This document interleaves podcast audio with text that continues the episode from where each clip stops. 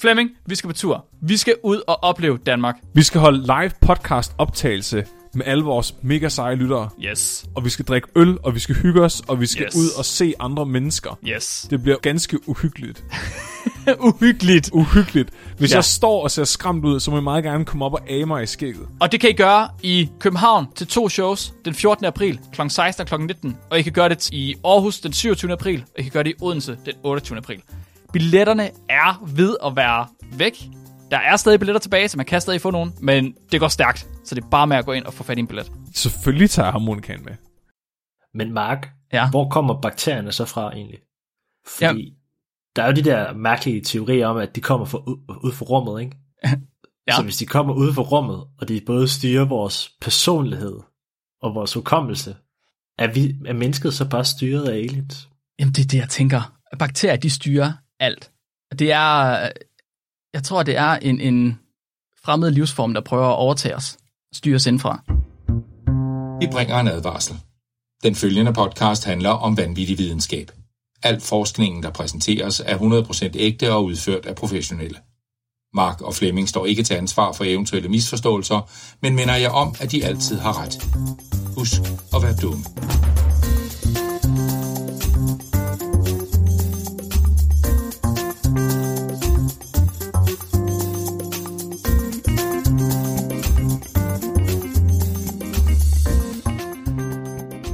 Hej alle sammen, og hjerteligt velkommen til Videnskabeligt Udfordret. Din bro til vanvittig videnskab. Jeg er en trillion bakterier i din tarm, Mark Lyng. Med mig i dag, der har jeg ikke Flemming, fordi Flemming han er simpelthen gået ned og hjem med barsel og en ny baby, og jeg ved ikke hvad. Så i stedet for, så har jeg taget en gæst med til at prøve at udfylde Flemmings store sko, både fysisk og mentalt. Øh, jeg har taget Frederik Nærgaard på 12 med. Ja. ja. Velkommen til, Frederik. Jo tak. Jo tak. Jo tak. Frederik, vores øh, Flemming og min gode kammerat helt tilbage fra, fra studiet igennem mange, mange år. Frederik, du har jo været med øh, et par gange før. Ja, må jeg også lige lave Faktisk. en fed uh, intro? Ja, det må du gerne. Uh, så mit, og jeg er Frederik, din mikrobielle mavefornemmelse. Ja, det er godt. Det er godt. Det er perfekt. Helt perfekt, ligesom det skal være. Cool. Jamen, øh, jeg har taget Frederik med i dag, fordi at i dagens afsnit, der skal vi tale om mikrobiomet. Det er simpelthen et afsnit, der har været øh, længe ønsket og længe undervejs. Og vi skal tale om øh, mikrobiomet i mennesker, og vi skal tale om, hvordan det styrer alt i hele kroppen. Fordi ja, de fleste, de har lært om tarmbakterier i skolen, og så er de blevet forklaret, at mikroorganismerne, de er der for at hjælpe os med at nedbryde noget mad, for, for at vi ligesom kan få adgang til, og for at de ligesom kan få adgang til flere forskellige fødevarer. Men i dag, der skal vi komme omkring, hvordan at det på ingen måde er det eneste mikrobiom, det gør. Så øh, vi skal omkring først og fremmest, hvad mikrobiomet det er, og hvordan det kan ændre sig, og så også, hvordan det relaterer sig til sundhed, hukommelse, intelligens og helt over i mentale diagnoser. Og det er derfor, at jeg har min gode ven, phd studerende i det menneskelige mikrobiom, Frederik Bartoldi med i dag. Åh, oh, det lyder så stort.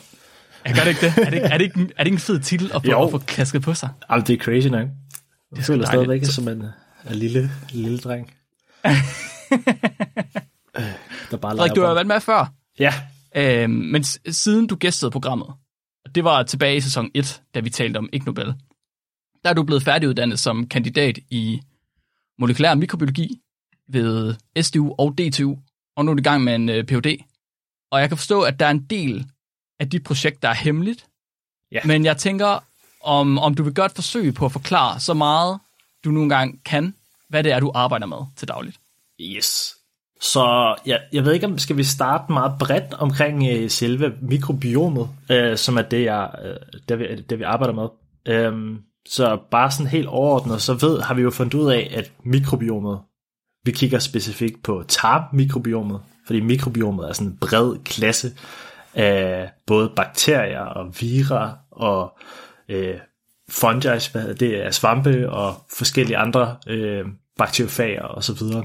Øhm, og det man jo fundet ud af, at de påvirker kroppen på utrolig mange måder. Udover at de påvirker os både i sygdom og øh, vores helbred, så har øh, vores gruppe gået ind og kigget på, hvad med, at vi kan måske udnytte det her, og så kan vi måske bruge noget syntetisk biologi til faktisk at kurere sygdommen. Så vi kan gå, vi, vores tankegang er simpelthen, at man kan gå ind og modificere, modificere de her bakterier, og simpelthen give dem nye egenskaber til behandling af, af sygdommen. Er det bakterierne ens eget mikrobiom, man går ind og modificerer, eller er det nye bakterier, man Det så er- stopper ind i mikrobiomet? Det er en ny bakterie, altså til, i hvert fald til at starte med. Så det, det Ja. tanken er at tage noget, vi ved, hvordan virker, og er sikkert på mennesker, og så modificere dem, sådan, og så køre dem i de her kliniske settings, som er nødvendige for at få noget produkt på markedet, øh, som man er sikker på, det er sikkert. I er sikker på, at både du, Mark, men og jeg er sikker på også, at lytterne kender til fæsestransplantationer. Åh oh, ja. Oh, ja. Oh, ja. Som Øhm. jo er den førende behandlingsmetode inden for al behandling. Altså det burde alle gøre. Ja. Øh, så fæsestransplantation, det er jo det er i hvert fald noget nyere, der er kommet inden for de sidste par årtier, som man faktisk kan kurere nogen sygdom med. Ja, nå, men skulle vi lige gå tilbage til, hvad jeg egentlig lavede. Øh, så øh, ja, vi prøver som sagt at modificere nogle bakterier, øh, specifikt til at producere nogle neurotransmitter til at behandle øh, nogle øh, forskellige hjernesygdomme. Som for, det kunne for eksempel være depression, eller Parkinson, eller, øh, eller sådan noget lignende andre øh, sygdomme i hjernen. Det er sindssygt. Så I laver simpelthen, altså kun, i, med kunstig biologi, der laver I bakterier, som man kan æde eller stoppe op i numsen, og som så kan kurere folk for Alzheimer's og Parkinsons. Ja, det er, De det er, er vores, det er vores tankegang, ja. Det er jo fuldstændig vanvittigt. Altså det er jo, det er jo så sci-fi, som det overhovedet kan blive. Hvis, det er jo, så man kan stoppe bakterier op i numsen, og så kan man blive kureret for mentale sygdomme. Ja, Og det skriver du PhD i. ja. Og det lyder Synes måske lidt federe på papiret, end, end det er i virkeligheden. Så, Det er ikke så fedt at rode, i rode lort i virkeligheden. Nej, det man jo finder ud af, det er, at øh, man skal jo teste her på nogle dyr. Øh, så man er jo nødt til at give bakterierne til, vi giver dem så både til mus og rotter, og så øh, skal vi jo have der, opsamlet deres, deres lort, fordi vi er interesseret i at se, hvad der er, om vores, hvordan vores bakterier er, om de bare forsvinder, eller om de stadigvæk er der. Og vi vil jo gerne have den, inden den rører noget andet i dens omgivelser, fordi der er jo også bakterier og så videre på overfladen af musene, så hvis den kommer til at falde ned i buret, så er det heller ikke så godt. Så hvad man blandt andet gør, og jeg var meget chokeret, da jeg så det, det er, at man tager musen op, og så nuller man lige deres anus, og så Aha. nu, og på, ma- på maven, og så, Ja, kommer der, ja. så kan man lige fange en lort på vejen der. Så kan man lige fange lort lige på vejen der. Det Men det er, er, øh, heldigvis øh, noget, jeg ikke gør endnu. Øh, Okay, synes- det gør du ikke nu. Ej, puha. Det kommer en dag. Ja, øh, det, jeg skal lige have noget dyreforsøg også. Der er sådan noget etik også. Øh, man har, øh, det, er ikke så, det er ikke de øh, hvad hedder det, forsøg, I har med, øh, der er så meget etik i, synes jeg. Øh, Ikke på det seneste i hvert ikke for fald. det seneste i hvert fald. Nej, Man skal simpelthen lære noget etik for at få lov til at nulle mus i numsehullet. ja, man skal lige vide, Aha. hvordan man behandler dyrene ordentligt. Så, Ja, man skal, man skal lige vide, hvordan man behandler dyrene. ordentligt. Det kan jeg godt se. Det kan jeg også godt se. Fedest, Frederik, jeg tænker, i forbindelse med, med, med det her projekt, du har gang i, der har du indsamlet en ordentlig spandfuld viden om ja. det menneskelige mikrobiom. Og jeg tror faktisk måske, at jeg har fået tilsendt mindst en artikel om ugen fra dig, ja, det som- altså, som kunne komme med på podcasten. Altså, og, det, og det er også en stor del af grunden til, at vi endelig får optaget det her afsnit her. ja. Så Fred, øhm, kunne du ikke tænke dig lige kort at tease, hvad det er, du skal fortælle os om mikrobiomet i dag? Jo, så jeg vil sådan set gerne starte helt tilbage øh, på, hvordan man fandt ud af, at der var noget i, der, i vores tarm, der virkelig der påvirkede hjernen. Øh, og så vil jeg specifikt komme ind og snakke om, øh, hvordan øh, autisme bliver påvirket af bakterier øh, i tarmen. Og det samme med, hvordan øh, nogle bakterier i tarmen måske kan være årsagen til, at man får udvikler Parkinson. Det er perfekt, Fred. Jeg glæder, det glæder mig sindssygt meget til at høre om, om Parkinsons og Alzheimer's, og hvordan bakterier de hører med til at både lave det og kurere det. Det er fedt. Inden da, så skal vi have talt lidt om udvikling i vores viden om mikrobiome, Sådan inden for de seneste 10 år, tænker jeg. Og vi skal tale om, hvordan øh, mikrobiomet det er gået fra at være en måde at nedbryde mad på, til nu at bestemme alt i hele vores krop, stort set. Fred, kan du ikke lige starte med, du er eksperten her. Du er med i dag, fordi Ja. du er ekspert. Det håber du, du er okay med. Ja, jeg, jeg skulle lige finde ud af, hvordan man var ekspert, så øh, jeg, har fundet nogle, jeg har fundet nogle spørgsmål til dig, Mark. Til mig? Ja, fordi så byder vi lige rollerne rundt, så jeg ved svarene, og du, du skal bare finde på dem. Jeg skal, finde, jeg skal bare finde på svarene. Okay. Yes. Så du har sikkert hørt med det der med, at der er mange flere bakt- bakterier øh, i tarmene, end der er menneskeceller. Ja, Men hvor mange gange flere? okay. Jeg har hørt det 10 gange flere. Og jeg har faktisk også hørt, at det tal, det måske endda er forkert. Yes. Ja. Så øh, det er faktisk fuldstændig korrekt. Så man har øh, de sidste 10 år har næsten altid sagt, at der er 10 gange så mange bakterier, som der er humane celler i vores krop. Så vi Ja. faktisk består mere af celler øh, fra bakterier, end vi gjorde af humane celler. Ja. Øh, men man er mere kommet over til faktisk bare det forholdet en til en. En til en. Det er stadig ret vildt, bare, så vi er lige så meget bakterier, som vi er menneske.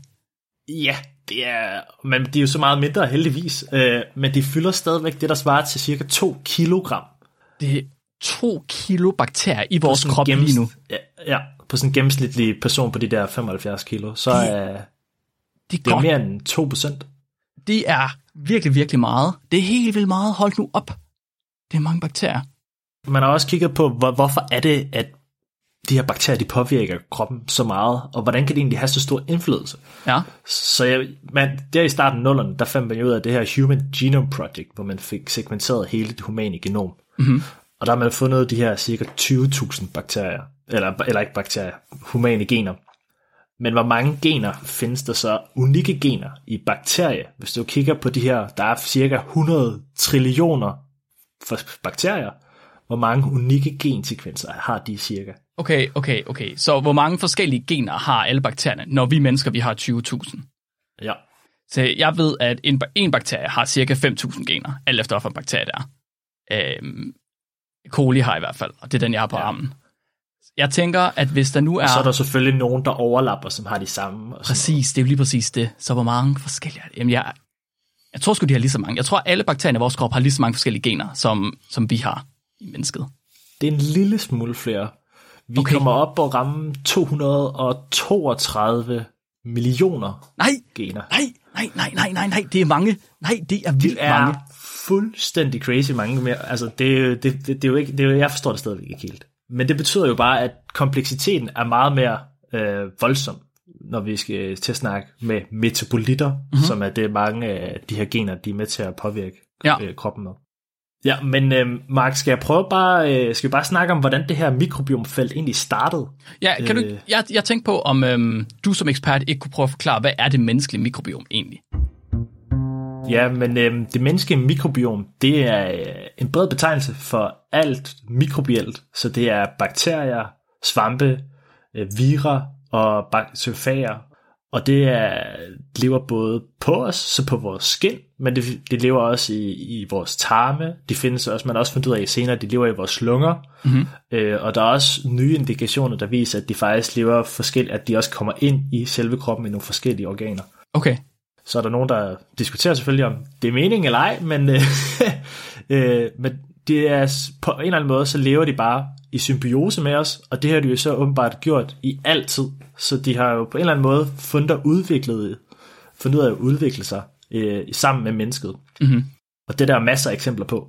Så for eksempel øh, allerede fra når du bliver født, så øh, ens modermælk, øh, man får fra sin mor, der er nogle bestemte sukkertyper og, øh, i den modermælk, som specifikt på, øh, kun kan nedbrydes af nogle bakterier i tarmen. what? Øh, så på den måde, så kan du få selekteret de positive bakterier for fosteret, eller ikke for fosteret, men for det første måneders øh, udvikling af, af dit barn.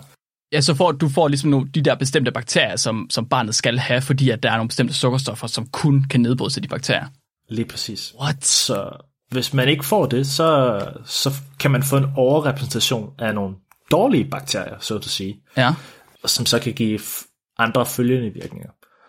Øh, og det, der er for eksempel, man mener, at der er en fordrejning i ens mikrobiom med folk, der har øh, kolik, øh, Ja. hvor babyen skriger helt vildt. Og det kan, der er forskellige teorier, men der er nogen, der mener, at det er bare fordi moren har spist nødder, eller sådan noget, som børnene ikke kan tåle under graviditeten, eller, eller det findes i simpelthen brystmælk, altså sådan nogle metabolitter der. Hvor er det sindssygt. Okay, så, så du siger, at mikrobiomet er ligesom over det hele. Det er alle de bakterier og mikroorganismer, vi har, som både hjælper os og alt muligt andet. Så Ja, hvordan, hvordan siger du præcis. så, at man ligesom fik startet på det felt af forskning? Hvorfor gik folk i gang med at kigge på, hvad der er af bakterier i tarmene? Jamen, vi skal have fat i en professor, der hedder Jane Foster, som kiggede på nogle mus, som, havde, som ikke havde noget tarmsystem. Dem kalder vi germ-free mice. Mhm.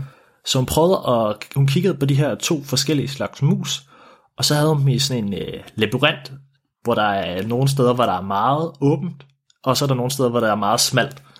Og øh, så kigger, kunne de se en forskel i de her mus øh, opførsel, øh, dem uden øh, et tarmmikrobiom, de var meget mere øh, nervøse, og så bevægede sig langs kanterne. Okay. Hvor at dem, der havde et tarmmikrobiom, de kunne godt finde på at udfor, udforske det her åbne områder. Og øh, den prøvede hun at publicere, øh, men det fejlede. Altså, Nå. det blev simpelthen rejected, det her. Og det er giver jo god mening, når der kommer med sådan en helt ny påstand. Som, men Mark, hvor, hvor mange gange tror du, øh, hun prøvede at få smidt sit paper ud? Det, det ved jeg sgu ikke. Er det et normalt antal, det er vel sådan fem gange, før man giver op, tror jeg. Hun brugte tre år yderligere og syv forsøg på at få pu- publiceret sit paper. Damn. Damn. Det er lang tid. Tre år. Hold da op. Og så er vi altså i slut nullerne. Øh, så det er jo et helt Nå. nyt felt. Hold da op. Øh, Okay. Og det vokser eksponentielt øh, med artikler omkring det, øh, Ja. det her emne. Øh, så det er jo super interessant. Ja, fordi øhm, altså, så min forståelse var, at øh, et af de første og de største gennembrud, man fik inden for tarmmikrobiomforskning, det var, at det ligesom er, mikrobiomet, der styrer ens næringsindtag. Er det ikke rigtigt? At, at mikrobiomet har en, en stærk indflydelse på ens næringsindtag, hvor meget indtag man ligesom...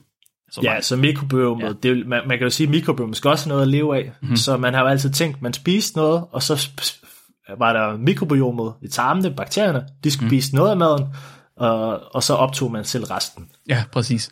Og jeg fandt, jeg fandt nemlig en, en øhm, altså studiet helt tilbage fra 80'erne, hvor at der var en gruppe forskere, der havde set, at hvis man fjernede mikrobiomet fra mus, ligesom du sagde, lavede de her germ-free mice, at så krævede de sterile mus, kalder jeg dem, ikke fordi de ikke kan få børn, men fordi de ikke har nogen bakterier, de, kræver et, et, de krævede et langt større energiindtag end de vilde mus, altså de almindelige mus, for at opretholde den samme vægt. Så de skulle have meget mere at spise, før de havde samme vægt, hvis ikke de havde bakterier. Og man så faktisk specifikt, at, at de vilde mus, de almindelige mus, de havde 47% mere fedtmasse end de sterile mus. Selv når de sterile mus, de indtog mere energi end de vilde mus.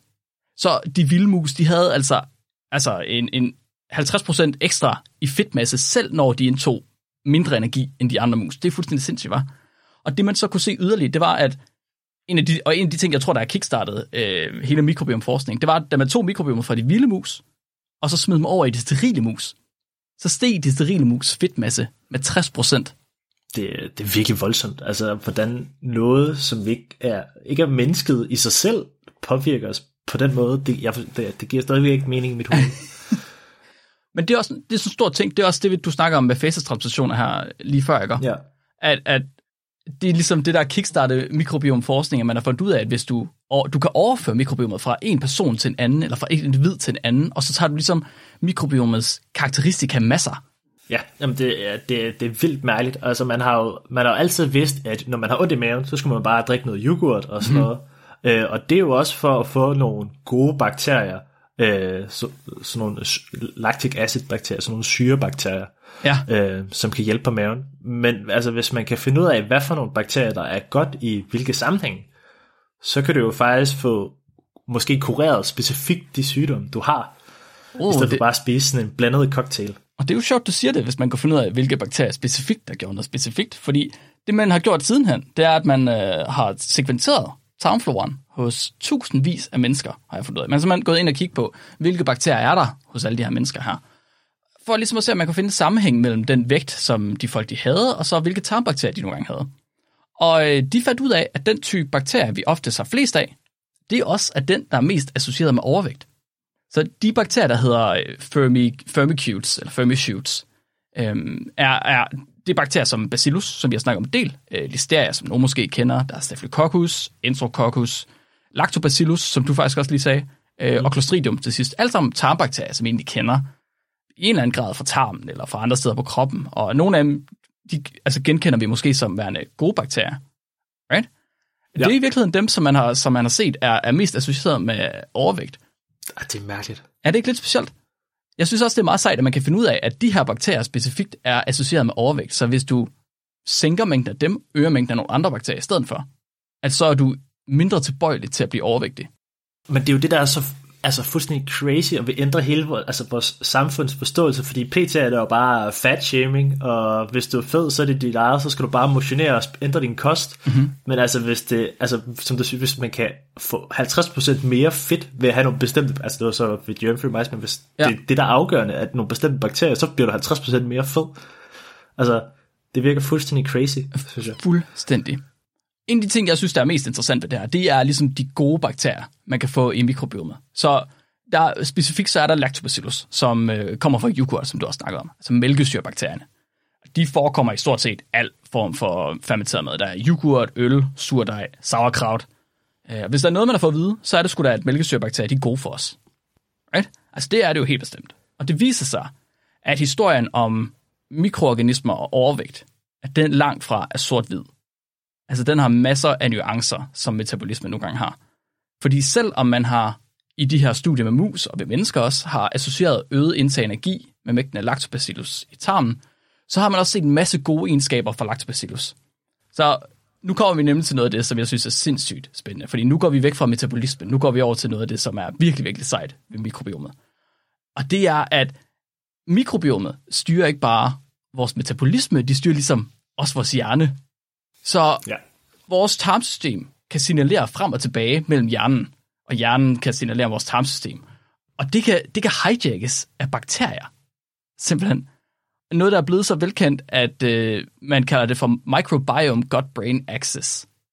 At det simpelthen er en akse mellem sit mikrobiom og maven og op til hjernen. Ja, og det åbner jo op for et helt nyt altså felt, sådan et tværdisciplinært felt med neuroscience, altså forskning i hjernen, og mikrobiologien, forskning i bakterierne. Mm-hmm. Og der er en rimelig kendt forsker inden for det her felt, der hedder John Cryan, øh, som har givet et helt nyt term til nogle bestemte bakterier, som påvirker hjernen, og han kalder dem psychobiotics. Psychobiotics, okay. Psychobiotics. Øhm, og han har faktisk også udgivet en bog omkring emnet, men det er simpelthen fordi, man har fundet ud af, at der er nogle bakterier, de kan producere noget hormonlignende øh, molekyler, og det samme kan de også producere nogle, tra- sådan nogle lignende neurotransmittere. Ja. Så i stedet for, at det er mennesket, der producerer dem, så er det sådan set bakterierne, der producerer dem. Og så påvirker de øh, på den måde hjernen, enten via nogle receptorer i, i tarmene. Mm-hmm. Øh, I tarmene, det er faktisk, man, man, som man, har- man har fundet ud af, er fyldt med nerver. Der er omkring 200 millioner nerver øh, koblet rundt om tarmene, og det, det, det nervesystemet hedder det intrik, intritiske nervesystem. Okay. Øh, og det er, sådan, øh, det er bare sådan et passivt nervesystem, så vi kan, det er ikke ligesom vores arme, hvor vi bare kan bevæge dem og sådan noget. Det er noget, der kører helt passivt, øh, som vi ikke selv kan styre. Men det kan bakterierne så. Det kan bakterierne nemlig. Nej, det er fuldstændig vanvittigt. Så vidt jeg forstår, så kan bakterierne nemlig ikke bare, altså så de kan sende signaler op, og man kan måske sige, okay, og hvad, hvad gør det så? En af de ting, som gjorde, at jeg blev interesseret i mikrobiomet, dengang det var, og fandt ud af, hvor vanvittigt det egentlig kan være, det var, at øh, man for lang tid siden, jeg har også talt om det i programmet før, at der lavede man et studie, hvor man tog nogle mus, og så udsatte man dem for nogle hukommelsetests. Men her tog man henholdsvis mus mad og uden mikrobiom, og så satte man ind i et rum med to objekter. Og det kunne være en bold og en træklods. Og så lod man ligesom musen lære de her to objekter at kende. De fik lov til at gå hen og snuse til dem, og ligesom sige, ah, det er en bold, ah, det er en træklods. Og så tog man musen ud igen. Og så byttede man den ene genstand ud med en ny genstand. Så nu var det ikke en traklos længere, nu var det en Batman actionfigur i stedet for. Og en bold. Og så satte man musen tilbage igen. Og da man gjorde det, så opdagede man, at de mus, der havde et mikrobiom, de snuste mest til Batman-actionfiguren, og ikke så meget til bolden. Men dem, der ikke havde noget mikrobiom, de snuste lige meget til begge to. Altså deres korttidshukommelse var simpelthen, hvad skal man sige, øh, ændret af, at de ikke havde noget mikrobiom. Det var ringere af, at de ikke havde noget mikrobiom, så de kunne ikke huske, hvad det var for nogle objekter, de havde snuset til. Det er ligesom det, jeg tænker, der, der, der gjorde, at mikrobiom var mega sejt. Så sidste år, der var der holdt forskere, der tog det her studie her til det ekstreme. Her der tog de 535 mus af 29 forskellige stammer, øh, og undersøgte deres hukommelse. Og de her stammer her, som man kalder, det er forskellige typer af mus. Så de havde forskellige farver, de havde forskellige pels, de havde også forskellige personlighed. Nogle af dem, de var modige, nogle af dem, de var sky. Det var meget forskelligt. Det var ligesom så forskellige mus, som man overhovedet kunne ind i de her 29 grupper. Og så testede man deres hukommelse ved at lade dem gå ind i et rum, og så give dem et meget svagt, men stadig ubehageligt stød. Sådan at muset de blev forskrækket, og så farede de ud af rummet igen. Og så tre dage senere, så sætter man dem foran det samme rum. Og de mus, der gik ind i, rummet igen, de blev så kategoriseret som havende dårlig hukommelse. Så nu havde man 535 mus, hvor man har fundet ud af, okay, nogle af dem har god hukommelse, nogle af dem har dårlig hukommelse. Og nu kan de så ligesom korrelere musenes respons på hukommelsestesten, altså om de havde god eller dårlig hukommelse, med deres genom, med deres gener og deres mikrobiomers. Og man kunne altså undersøge, om mus med en god hukommelse, de havde nogle specifikke genaktiveret, eller nogle specifikke mikroorganismer i deres tarm. Right? Det er vildt. Er det ikke sindssygt? Så man er simpelthen været inde og se, okay, man havde ligesom set, at nogle mus måske havde en ringere korthudsudkommelse, hvis de havde et andet mikrobiom. Nu har man simpelthen gået ind og undersøgt, hvad er det, der gør, at mus de enten har dårlig hukommelse eller god hukommelse? Øh, gener, det må vi ikke sende vel? Det er, who gives a fuck about gener? Det er bakterier, der er sejker. Mikrobiomet, det viser noget rimelig interessant her. Fordi forskerne, de fandt fire familier af bakterier, der var associeret med god hukommelse. Og af de fire, der var den, der forekom oftest i musene. Det var lactobacillus. Det er simpelthen mælkesyrebakterierne. Ej, det er vildt. Så nu forskerne her, de bliver jo ligesom interesseret i lactobacillus. De vil gerne se, okay, kan lactobacillus så øge hukommelsen hos de her mus? Er det det, den gør? Så det næste, de gør, det er, at de tager mus uden mikrobioner. De tager de her sterile mus. Og så fodrer de dem med lactobacillus.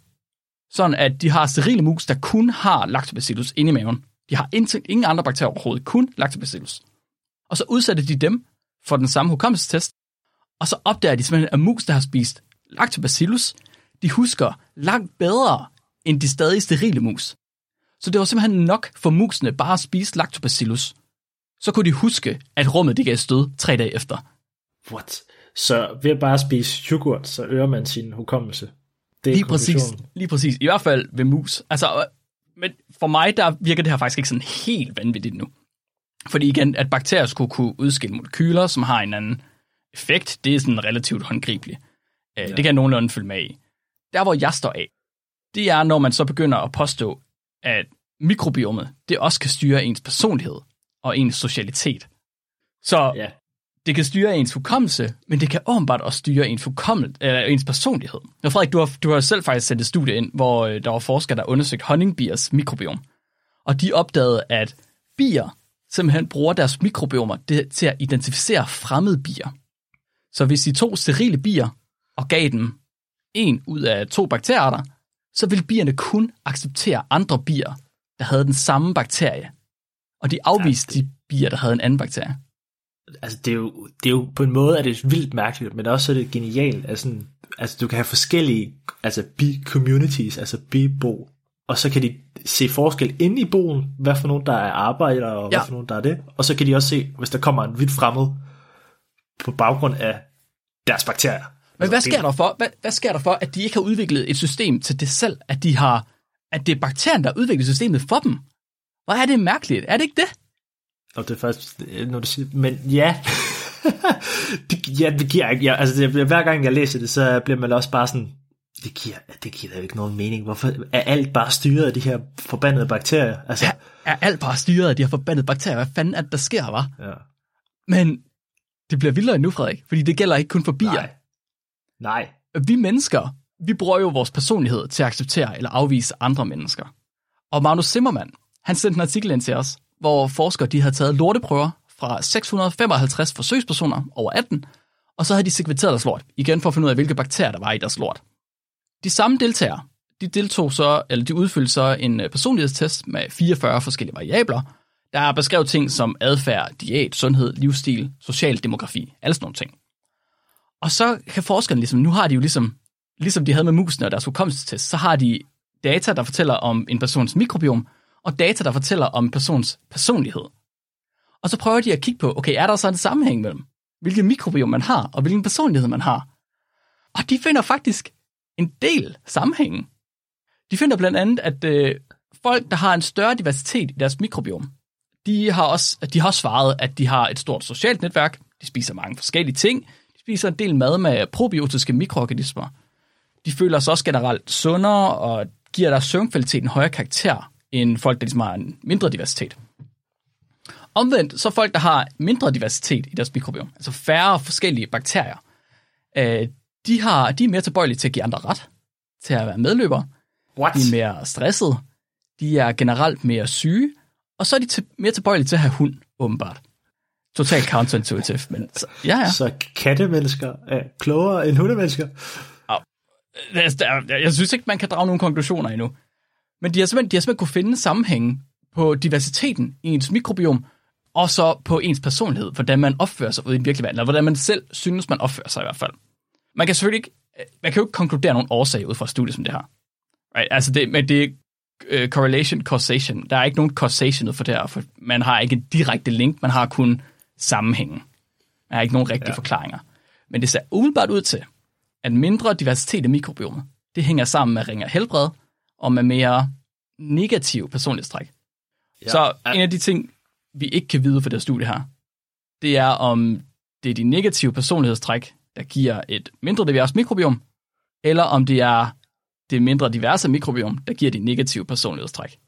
Så jeg sagde for eksempel, at øh, folk med en mere divers mikrobiom, de var mere sociale. Man kan ikke vide, om de er mere sociale, fordi de har et divers mikrobiom, eller om de har et divers mikrobiom, fordi de går rundt og slikker folk i ansigtet og er mere sociale. Ja, det er ja. svært at sige. ja, Men, hvis jeg må lige vil smide en kommentar til det der, fordi jeg, jeg har lige siddet til sådan et uh, seminar nu her, eller sådan en konference, og der var der en, der fortalte netop omkring det her med diversiteten. Og at man har jo i de sidste par år, der har man jo set det her udvikling i folk, der har astma og allergier og sådan mm. noget. Og han har en øh, teori om, at øh, vestlige verden simpelthen per generation taber den her diversitet, fordi at man enten bliver født ved kejsersnit, eller man ikke bliver opfostret i det naturen, altså man bliver opfostret i de her kliniske rammer. Øh, så på den måde over lang tid, og så også når man dræber dem, man dræber jo også bakterierne med, med antibiotika. Så han, øh, han har en teori om, at over et par hundrede år, så kan vi faktisk miste den her store diversitet, vi har, øh, og så får det sat endnu flere sygdomme, hvilket var man bare så sådan, oh shit. Oh shit, indeed. At det er jo lige præcis noget rigtig lort. Bogstaveligt talt. No pun intended. ja, true. Så den, den, den sidste ting, de her forskere, de ligesom finder ud af, de kan jo ikke se, øhm, om det er, du ved, det mindre diverse mikrobiom, der gør personligheden, eller personligheden, der gør det mindre diverse mikrobiom. Men de kan gå ind og så kigge på de bakterier, som folk de har i deres mikrobiom, og så se, okay, hænger det så, de specifikke bakterier, hænger de sammen med deres personlighedstræk? Og der finder de faktisk, øh, at hvis man har bakterier, der hedder Akkermansia eller Lactococcus, som ikke helt er den samme, som vi havde før, hvad har dem i sit mikrobiom, så er man mere social, eller mere tilbøjelig til at være social i hvert fald, hvis man, øh, baseret på ens egne holdninger. Øh, mens mindre sociale mennesker, de var mere tilbøjelige til at have en bakterie, der hedder Sutarella i deres mikrobiom. Simpelthen. Så man har simpelthen kunne finde specifikke bakterier, som man har kunne hænge op på, der har været en statistisk signifikant sammenhæng mellem at have de bakterier i mikrobiom, og hvad man har svaret i sin personlighedstest. Det er så mærkeligt. Er det ikke mega mærkeligt? Igen, vi kan ikke vide, hvad der kommer først. Men Mark, ja. hvor kommer bakterierne så fra egentlig? Fordi ja der er jo de der mærkelige teorier om, at de kommer fra, ud fra rummet, ikke? ja. Så hvis de kommer ud fra rummet, og de både styrer vores personlighed og vores hukommelse, er, vi, er mennesket så bare styret af aliens? Jamen det er det, jeg tænker. Bakterier, de styrer alt. Det er, jeg tror, det er en, en fremmed livsform, der prøver at overtage os, styre os indfra. Det er, sgu, det, det, det, det er ikke så godt. Vi skal lige råbe højt om det, så. Ja, det, vi er alle sammen bare kød mecha suits, der bliver styret af små, bitte, bitte, bitte små individer inde i vores krop. Der, det er ligesom i uh, Pacific Rim. Det er det, det er. Vi er, Pacific. vi er hvad? Pacific Rim? Pacific Rim. Med um, de der mechas, der kæmper mod Godzilla, hvor der så sidder folk ud. Ligesom, okay, hvad med Power Rangers? Ah. Heller ikke Power Rangers. Jeg kommer ikke så meget ud. Ah, det kan jeg godt høre. Okay, så robotter, der bliver styret mennesker indenfra. Oh, det er det, ja. er. Så det viser sig ligesom, at mikrobiomet, det ikke bare har en effekt på vores fysiologi, men også på vores hukommelse, på vores indlæring, og så endda på vores personlighed. Så Frederik, ja. det er også noget med, at det kan mere end det. Ja, så jeg har øh, specifikt prøvet at kigge på øh, to specifikke sygdomme, som er forbundet til hjernen på en eller anden måde, og hvor man øh, specifikt har fundet et link til nogle bestemte bakterier i tarmen. Mm-hmm. Og den første sygdom, jeg sådan vil snakke om, det er også det, hvornår er det en sygdom. Men autisme, det er jo sådan, at man, man skal, man, i, i, i dagens Danmark, der skal man lave en eller anden test, og så får man vide, okay, du er næsten autistisk, eller du er autistisk. Øh, fordi det er på sådan en score, ikke? Okay. Og der er, noget, der er mange ting, man ikke forstår om den her sygdom. For eksempel, hvorfor er det, der er fire gange så mange mænd som kvinder, der er autistiske? Mm-hmm. Så der må være et eller andet sådan sex bias. Og man har også fundet ud af, at hvis øh, kvinder under deres graviditet bliver sådan syge eller indlagt eller sådan noget, så får du øget din risiko for at få et autistisk barn med 80%. Altså nu er Okay. risikoen jo stadigvæk meget lav, for man får et autistisk, men det bliver alligevel øget med 80%. Ja, ja, okay, altså næsten fordoblet. Ja. Øh, og, og, så, spørgsmålet er, er autisme på en eller anden måde arveligt, øh, eller, eller hvordan, hvordan fungerer det? Okay, ja. det? Det er i hvert fald noget, jeg har tænkt over. Men så har jeg fu- fundet et studie, hvor man prøvede at teste gravide mus, om hvis de blev syge undervejs, hvad skete der så? Så det, de her forskere, de har gjort, de har simpelthen sprøjtet noget DNA ind i øh, musene, for ligesom at simulere, at det bliver angrebet. Mhm. De aktiverer selvfølgelig immunforsvaret, og det får nogle specifikke immunforsvarsceller til at reagere. Øh, det er dem, vi kalder T-helper cells, T-hjælpercellerne. Mm-hmm. Og de producerer så et bestemt mo- molekyle, der hedder cytokin øh, 17, øh, interleukin, IL-17. Og man, har, man kan så se, at det bevæger sig op i hjernen på både moren, men det bevæger sig faktisk i hjernen ned i babyen, på fosteret inde i maven, Okay, og binder ja. til nogle receptorer i hjernen, ja. sådan så hjernen bliver overaktiv. Hvilket er det, der er karakteristisk ved autisme, at de kan se altså mønstre i crazy former. Det er jo sindssygt. Ja, og da jeg læste så var jeg, sådan, jeg var meget skeptisk, ikke? Men, men, men de, de prøvede så at teste øh, ved tilstedeværelsen af bestemte bak- bakterier. Ikke? Der er nogle andre, der har så taget det her og kigget videre på det her med autisme, og hvordan det kunne være linket. Så der var nogle forskere, der havde nogle autistiske mus. Man har åbenbart udviklet nogle autistiske mus. Hvordan er en autistisk mus? Hvad skal der til, før man kalder en mus for autist? Den, den- den, kan, den, kan, lave Picasso'er og sådan noget. Står Ja, med måske ikke. øh, Jeg tror ikke, men vi har vist lige debunket der med savanthed i autisme også, tror jeg. Men Nå, jeg, jeg ved faktisk ikke, hvad der, hvad der skal til, men... vi må øh, have nogle parametre, de, de bruger til at måle på, men kan vide, om de er ens med det, man bruger til at måle menneskelig autisme på. Det må de jo være. Altså, jeg, jeg, jeg gætter på, det er sådan et angst og sådan noget, fordi det er sådan dem, altså det, man prøver, og, altså det, jeg har også snakket med nogen, der forsker i det her med angst og sådan noget på mus, så det er jo bare, at man udsætter dyrene for nogle mærkelige forsøg, og så ser man, om de opfører sig anderledes. Okay, ja. Der er sådan to klassiske, det er den, jeg har snakket om tidligere, sådan open field, hvor man ser hvor, inde i sin kasse, hvor det løber langs kanten, eller det løber inde i midten. Ja, Øh, og så er der sådan nogle, der er lidt mere voldsomme, vil nogen mene, hvor man tager musen og kaster den ud, på vand, ned i noget vand, og så ser man, hvor lang tid øh, den prøver at overleve, indtil den giver op og nærmest Ja. den drukner. det, så dem samler har vi også op. haft med. De er virkelig ubehagelige. Ja. Øh, men lige præcis, hvad der er, gør en mus autistisk, det, det, har, det ved jeg faktisk ikke. Nej, Nej. det er heller ikke så vigtigt for historien. Nej. Men øh, de havde i hvert fald aut- sådan nogle autistiske mus, og nogle ikke-autistiske mus mm. gående rundt. Og så øh, ser man stille og roligt, at de her, der først var autistiske mus, det er lige pludselig ikke er autistiske mere efter nogle dage. Og så tænker forskerne, hvad fanden kan det være? Øh, hvad? Ja. Men øh, mu- Mark, nu er mennesket heldigvis ikke ligesom mus, fordi mus, de går rundt og spiser hinandens afføring. Ah, det har jeg lært, hvad det hedder. Hvad Det hedder koprofil. Simpelthen, ko- kopro, det kommer af, af lort på græsk, tror jeg. Okay. Så hvis man er koprofil, så er det fordi, man godt kan lide lort. Okay. Ja, der er et lille fact for jer derude. Ja, ja. Findes der mennesker, der er kop... Nej, det, det behøver du ikke svare Nej, det skal jeg ikke svare.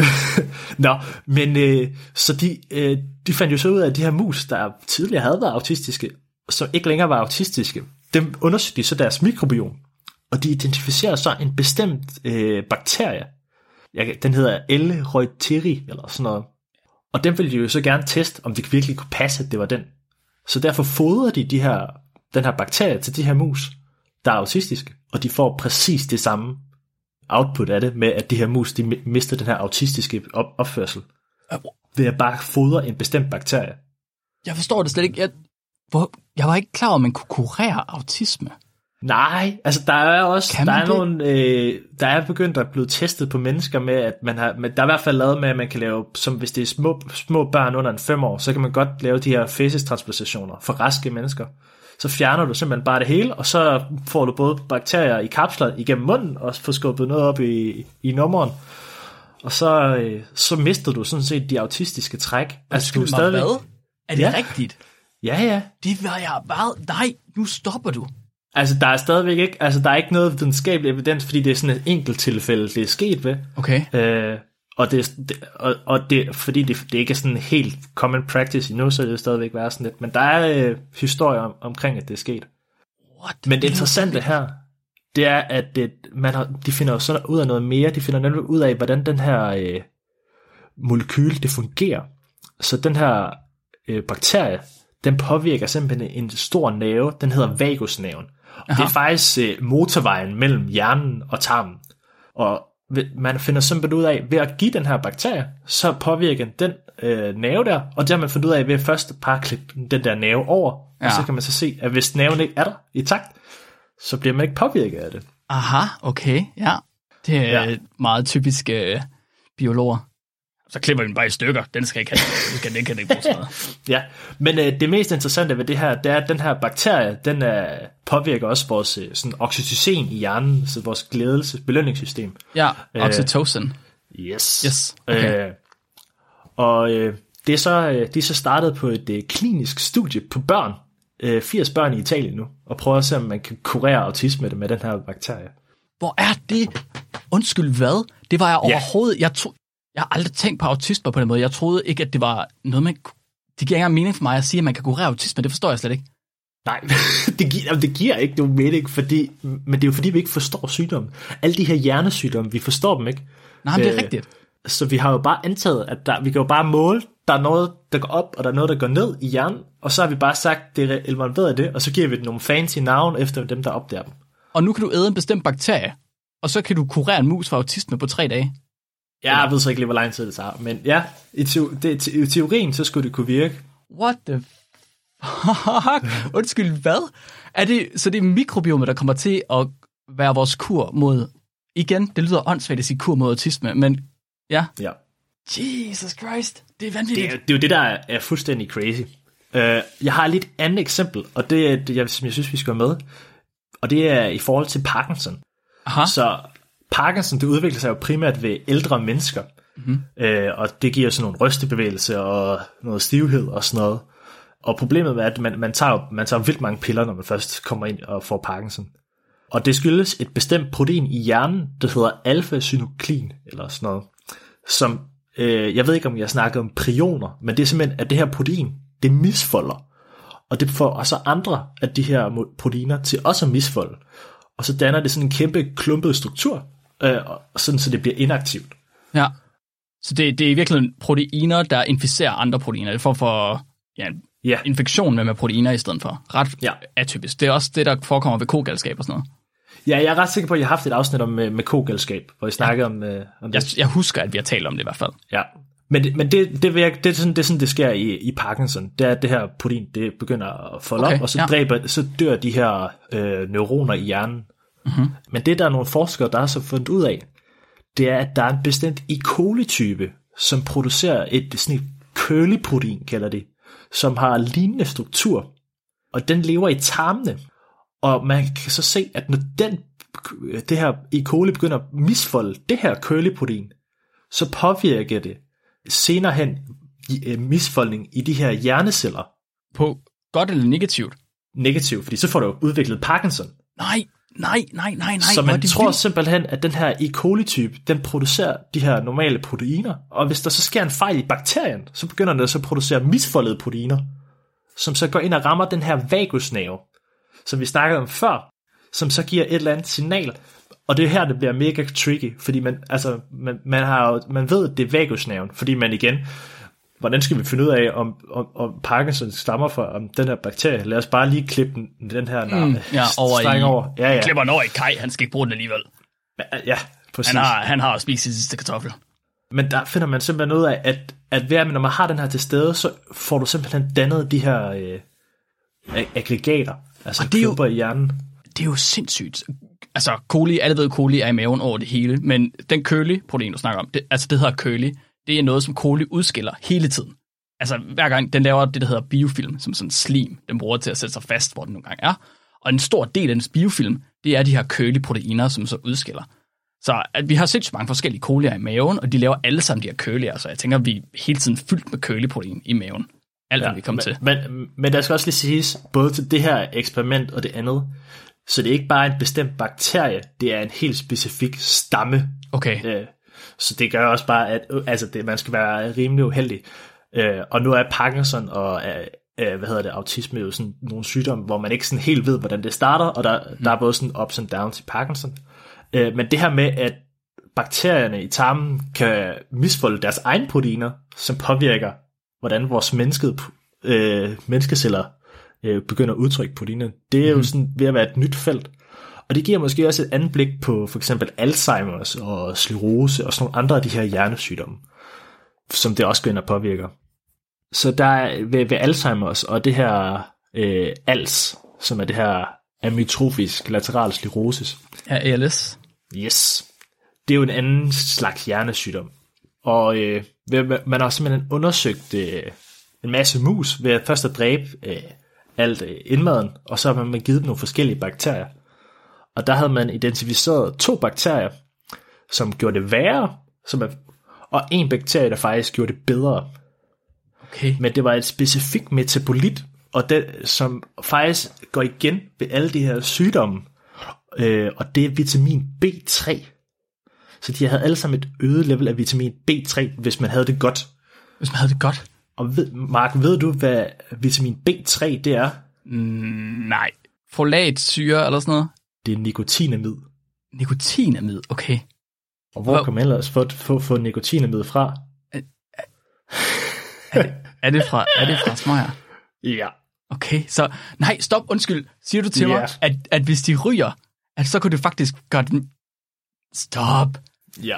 Der er, altså, der, er, der er nogle enkelte ting, der peger på, at øh, rygning udgiver nikotin, og så kan man få dannet nikotinamid. Og på den måde kan man faktisk øh, mindske risikoen for at udvikle nogle af de her hjernesygdomme. Det, det skal du bare... Du, du holder kæft med det der. Hvis Flemming han finder ud af det, altså han stopper aldrig med at suge på den der røgpind, han har. Så Ja, han bliver ved for øh, evigt. Det er det, der er problemet, ikke? Bortset fra, at der så er par tusind andre sådan giftige stoffer i cigaret. Så jeg ved ikke, om det, at det er fordi, det er sådan her, eller fordi, at når man så kommer op i alderen, så er dem, der har rådet, de er jo bare faldet fra i statistikken.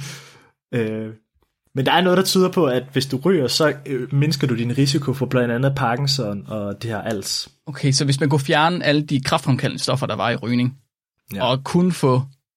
Jeg tænker, man må heller ikke få for meget nikotin, kunne jeg forestille mig. Jeg er faktisk ikke Nej, sikker på, nej, altså nikotin er afhængighedsskabende. Jeg ved ikke, hvad der ellers er problematisk ved nikotin. Altså, vi har jo set, det, vi har jo set at det er nootropisk, at det fremmer hjerneaktiviteten også, Ja. i virkeligheden. Men hvis man kunne fjerne alle de kraftfremkaldende ting, og så kun beholde den, den niveau af nikotin, der er sundt, Der passer. ja, der passer, der er godt. Men, men, men det er jo også det der, det er, det er jo ikke til at vide. Altså, det er jo forskelligt for, til, til person til person. Altså, man har jo fundet ud af, at næsten halvdelen af alle metabolitter i ens blod, det er på en eller anden måde metabolitter, der er blevet modificeret af bakterier. Altså, Okay. for eksempel din egen gallecelte, de bliver påvirket, de bliver først øh, omdannet til nogle andre molekyler i din tarm, som bliver optaget, nogle af dem, og, og så går de også videre, og så er der nogle andre bakterier, der kan omdanne de galleceller, som er blevet modificeret til nogle nye typer af galleceller, som man kalder, ja, man kalder dem så secondary ga- galleceller. Hvor, hvor, hvor meget har vi tilbage i kroppen, som vi selv står for? Ja. Har vi noget? Det, det, det, lyder- det, det, det, det, er jo, det er jo det, der er spørgsmålet, ikke? Også fordi, at vi har så mange, vi er jo både alle sammen i- individuelle, har vi forskellige gener, men det må jo, og de producerer, vi producerer for alle sammen forskellige niveauer, men det vil jo så sige, at vores bakterier må også producere for at kompensere sig på den ene måde, så har vi jo vores eget unikke sådan fingeraftryk i vores mikrobiom og vores gener, og de skal på en eller anden måde spille sammen, for ja. Vi har det bedst muligt. ja, klart. Og det er jo komplekst. Jesus. Men hvis jeg lige skulle lave sådan en øh, afrunding på det her, øh, så, så er det jo det her hen, vi arbejder mod. Så i stedet for at prøve at finde de her bakterier, så tænker vi bare, hvorfor ikke bruge nogle af de her værktøjer, som, man har, som er kommet op, som for eksempel CRISPR-Cas, til at modificere bakterierne, og så give dem de, de egenskaber, som vi faktisk kan producere medicin on-site i tarmene, eller hvis det skulle være på huden, eller sådan noget. Men det, det giver jo så det næste problem, det er, at der er en del, der kommer til at råbe, GMO! Ja, ja Og det er problematisk. Ja, øh, ja, altså problematisk og problematisk. Jeg ved ikke, om du kender til virksomheden C-Biotics, eller Z-Biotics. Uh, nej, Jeg tror, jeg har nævnt men det er dem, der har lavet en kur mod tømmermand. nej jeg, jeg, har ikke, jeg tror ikke, jeg har nævnt dem. Vi har snakket om det, tror jeg. Vi to. Okay. Nå, men øh, så GMO er jo, er jo rigtig skidt, lige indtil man finder ud af, at det faktisk kan kurere tømmermænd. Øh, og det er... Og du ved, Kurere, øh, kurere. altså kurere alt andet og være øh, løsningen på sultedøden i hele verden og alle sådan nogle ting. Men øh, ja, men det, det, i, i USA, der er der nogle forskere, der har genmodificeret en bakterie. De har simpelthen bare givet den det enzym, som vores lever også har, sådan så vi kan nedbryde alkoholen i tarmene. Og øh, det gør så bare, at du ikke får tømmermænd øh, på samme måde. Så fordi, Og så, ja, ja, så, øh, og, og det kan du sådan set bare gå ind og købe på de her, de har de her CVS, CVS eller sådan noget, eller på det vil vi kalde et apotek. Og så kan du gå i byen, så kan du drikke den, og så kan du drikke til klokken 5 om morgenen, sove tre timer, og så kan du tage på arbejde uden tømmermænd. det er kraftigt. Så fordi, at man ikke nedbryder alkoholen i sin, øh, i sin lever længere, hvor den laver det om til... be- så gør du bare begge steder, men så ophober de her øh, affaldsstoffer sig ikke i kroppen, Ja. som er det, der giver en tømmermændene. What? Hvor er det... Fuck, det er sejt, mand. Hvorfor kan vi ikke få det i Danmark? Jeg vil have sådan noget i Danmark. Det er fordi, vi i Vesten er lidt sådan her, GMO, ah, skulle vi lige vente. Hvorfor kan tror- USA få det? USA, de må altid alting. ja, de har det altid lige lidt sjovere før sådan, men det går så, jeg, jeg, jeg, jeg mindes at have hørt sidste uges afsnit, hvor det også gik lidt galt for nogle af amerikanerne. Kun for nogen af dem, Frederik. ja, det For alle de andre tror jeg, det var fint nok. Ja, De hygger sig gevaldigt. Det synes jeg er, er crazy. Fred. Så det handler, der skal laves den her regulatoriske pakke, for det her, det bliver jo bare kaldt et, et food supplement, altså bare, Mhm. mm-hmm. det er bare sådan en læskedrik. Øh, men for at man faktisk kan bevise, at det har en effekt på medicin, så skal du igennem alle de her kliniske trials, og det tager nogle flere år. Har I oplevet øh, i forbindelse med, med jeres projekter øh, at få modstand på grund af GMO? Øh, nej, fordi der er ikke noget, der ved så meget om Nej, okay. noget af det. Det er ikke så langt endnu overhovedet. Nej. Øh, men der er kliniske forsøg, der er flere forskellige biotech-virksomheder i blandt andet USA, øh, som er i gang med at teste de her genmodificerede bakterier til behandling af det så sjældne, sjældne sygdomme. Så for eksempel, der er nogen, der er født med en manglende gen, så de ikke, så de ikke kan producere et bestemt protein. Mm-hmm. Så kan man bare få bakterien til at producere det i tarmene i stedet Jamen, for. åh, selvfølgelig. Øh, så det er jo en meget, og på den måde, og man kan jo ellers ikke behandle dem, så på den måde giver det sådan et, en hurtigere vej til øh, at faktisk at få, finde en kur øh, til dem. Ej, det er jo sindssygt. Så i stedet for, at man hele tiden skulle tage, altså indtage det der protein eksternt, eller et andet medicin i stedet for, eller sådan noget, så kan man få en bakterie til at blive en del af sin mikrobiom, og så få den til at producere det for sig. Hvor er det? Det, det er så meget fremtiden. Det er så meget fremtiden. Jeg tror seriøst, der er, selvom det, det er et forskningsfelt, der er i stor fremgang, så tror jeg, der er så lidt, vi ved om mikrobiomet nu, at vi bliver totalt rent over, altså inden om 5-10 år. Jamen, det, er, altså, det vokser eksponentielt. Altså, det, det, altså, alt, hvad der bliver publiceret, det er eksponentielt voksende. Altså, det er virkelig, virkelig hurtigt, øh, hvad er der kommer ud af nye ting. Og, og også, hvor man bare sidder og tænker, what? Øh, af nye sammenhænge. Øh, men igen, man skal lige holde den der tunge i munden. Er der en korrelation, eller er det faktisk en reel, ja. reel effekt? Fordi man kan Præcis. sagtens finde ud af, at okay, der er en lidt sammenhæng her, men der er måske ikke nogen mening. Ja, altså kroppen er så ultra kompleks. Det kan være så mange forskellige ting. Så medmindre vi har set det ved 1000-100.000 forskellige individer, så kan vi ikke være sikre på, at det er noget, der rent faktisk virker. Nej, præcis. Ja. Og det er sindssygt, Fred.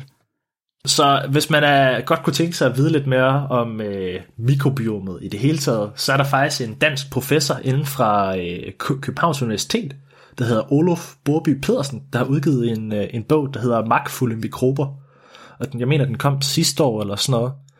Så den kan jeg i hvert fald anbefale. Der får man lidt indblik i med, hvordan er bakterier i det hele taget, og hvordan påvirker bakterier vores dagligdag, og hvordan, ja, Og hvordan kan bakterier, du ved, give dig en psykisk lidelse, eller kurere dig for en psykisk lidelse? ja. Hvilket begge to er fuldstændig fucking vanvittige. Så sindssygt. Mega, mega fedt. Det tror jeg, det vil være min øh, sidste ord. Desværre får jeg så ikke noget profession her, så det, det er ren anbefaling. Jamen, du må lige tage fat i uh, Olof. ja. Fred, på falderæbet, så øh, vi plejer at tage et lytterspørgsmål her til sidst. Jeg tænker, jeg håber, du er med til et lytterspørgsmål. Yes. Jeg har faktisk allerede luft, jeg har luftet den lidt inde på Discord, øh, og det var måske også mit eget lytterspørgsmål, fordi jeg kom til at tænke på, og nu, det håber jeg er okay, fordi det var sådan lige på temaet. Ja. Jeg kom til at tænke på nemlig, i forbindelse med, øhm, hvad hedder det, med, med personlighedsændringer og facestransplantationer og sådan noget, at hvis nu, man er ikke helt sikker på, at der sker en personlighedsændring. Man kan ikke være sikker på, at det er mikrobiomer, der gør en personlighedsændring. Hvad nu, hvis man kom til at give en person en facestransplantation? Måske for at ændre på noget, på noget andet. Måske for at hjælpe dem med at tabe sig, eller øh, nogle andre ting. Og så er man kommet til at ændre deres personlighed. Prøver du at ændre Flemming eller sådan noget? Jeg siger ikke, at jeg prøver at ændre det. Det gør jeg ikke noget som helst. Jeg spørger bare, mit spørgsmål er, bliver det uetisk at ændre på folks personlighed med facestransplantationer? Det er et godt spørgsmål. Altså, nu er jeg ikke så god til det der etik. Øh, man skal også, ja, uha. Hvad synes du selv? Vil det være okay? Hvis nu man altså, ikke var klar over, at man fik ændret. Uden folks samtykke. Hvad hvis man ikke kan give samtykke? Man ikke ved, at man skal give samtykke? Altså, Og det er måske bare sådan et etisk Ja. spørgsmål generelt, det ved jeg ikke. Hvordan vil du have Ja. det med, og hvordan vil du selv have det, hvis din personlighed blev ændret af, at du fik uh, facestransplantation? Jeg vil ikke sige, at det var okay. Altså, Nej. nej. Også, også fordi, at man ved jo ikke, hvad, hvordan det er. Altså, og, og, og, og faces transplantation, du kan jo se det, så, altså, det er jo, du får en anden persons afføring op i, op i dig. Altså, det er ikke lige noget, jeg står og tænker på, det jeg har lyst til. Og den indeholder jo alt muligt mærkeligt, øh, som jeg bare pludselig får. Men det, der er ikke, det er ikke det hele, jeg kan bruge, fordi jeg er, jeg er et helt andet person. Øh, så man har faktisk set, at nogle af de her faces transplantationer, de bliver sådan lidt, der er noget af det, der sådan bliver afstøbt, ligesom hvis du får en, øh, en ny lever, eller et nyt hjerte, eller sådan. Ah, okay. Ja, ja, okay. Det svarer nok næsten på mit andet spørgsmål, fordi så kom jeg til at tænke lidt videre. Hvis nu, at man var ligeglad med etik, og man ville bruge den her ændring i personlighed til noget specifikt, vil man, ja. så, be, vil man så kunne bevidst ændre et mikrobiom mod en bestemt personlighed med facestransplantationer? Altså, hvis man finder ud af det, hvad, hvad, hvad, der, hvad, hvad der er en, den rigtige, eller hvad? Ja, ja altså hvis, lad os sige, at der var en, en bestemt øh, østrisk mand med et sjovt overskæg, der tænkte, at folk gerne skulle være ligesom ham, eller på en bestemt måde. Ja. Og som så finder ud af, at det kan man gøre med lortebakterier. Vi- Eller vil man kunne det med lortebakterier, er spørgsmålet. Altså, umiddelbart, vil jo, umiddelbart for alt, hvad jeg har hørt og læst, så tror jeg godt, man vil kunne påvirke folk på, altså, ret langt. Der er en gal videnskabsmand, der hedder Josiah Saner, som er også fra USA. Jeg ved, Ja. ja. han, har, altså- han har også prøvet at eksperimentere på sig selv. Men han har netop lavet sådan en, hvor han skifter øh, sit eget tarmflora ud. Øh, og han har ændret, han siger selv, han, og hans venner siger, at han har ændret personlighed efter det. Det er mega vanvittigt. Så det er altså, hvis man finder ud af, hvad der, hvad der karakteriserer, altså også når du siger, at man kan ændre ens korttidsudkommelse, så kan man jo heller ikke huske, hvad man var for, ej, før. vel? Okay, ja. Hvis man kunne ændre i øh, langtidsudkomsten i stedet for, ville man kunne gøre mange forfærdelige ting. Jesus Christ. Okay, ja, men det, det er bare lige, så du ved, sådan rent hypotetisk, så er det godt at vide.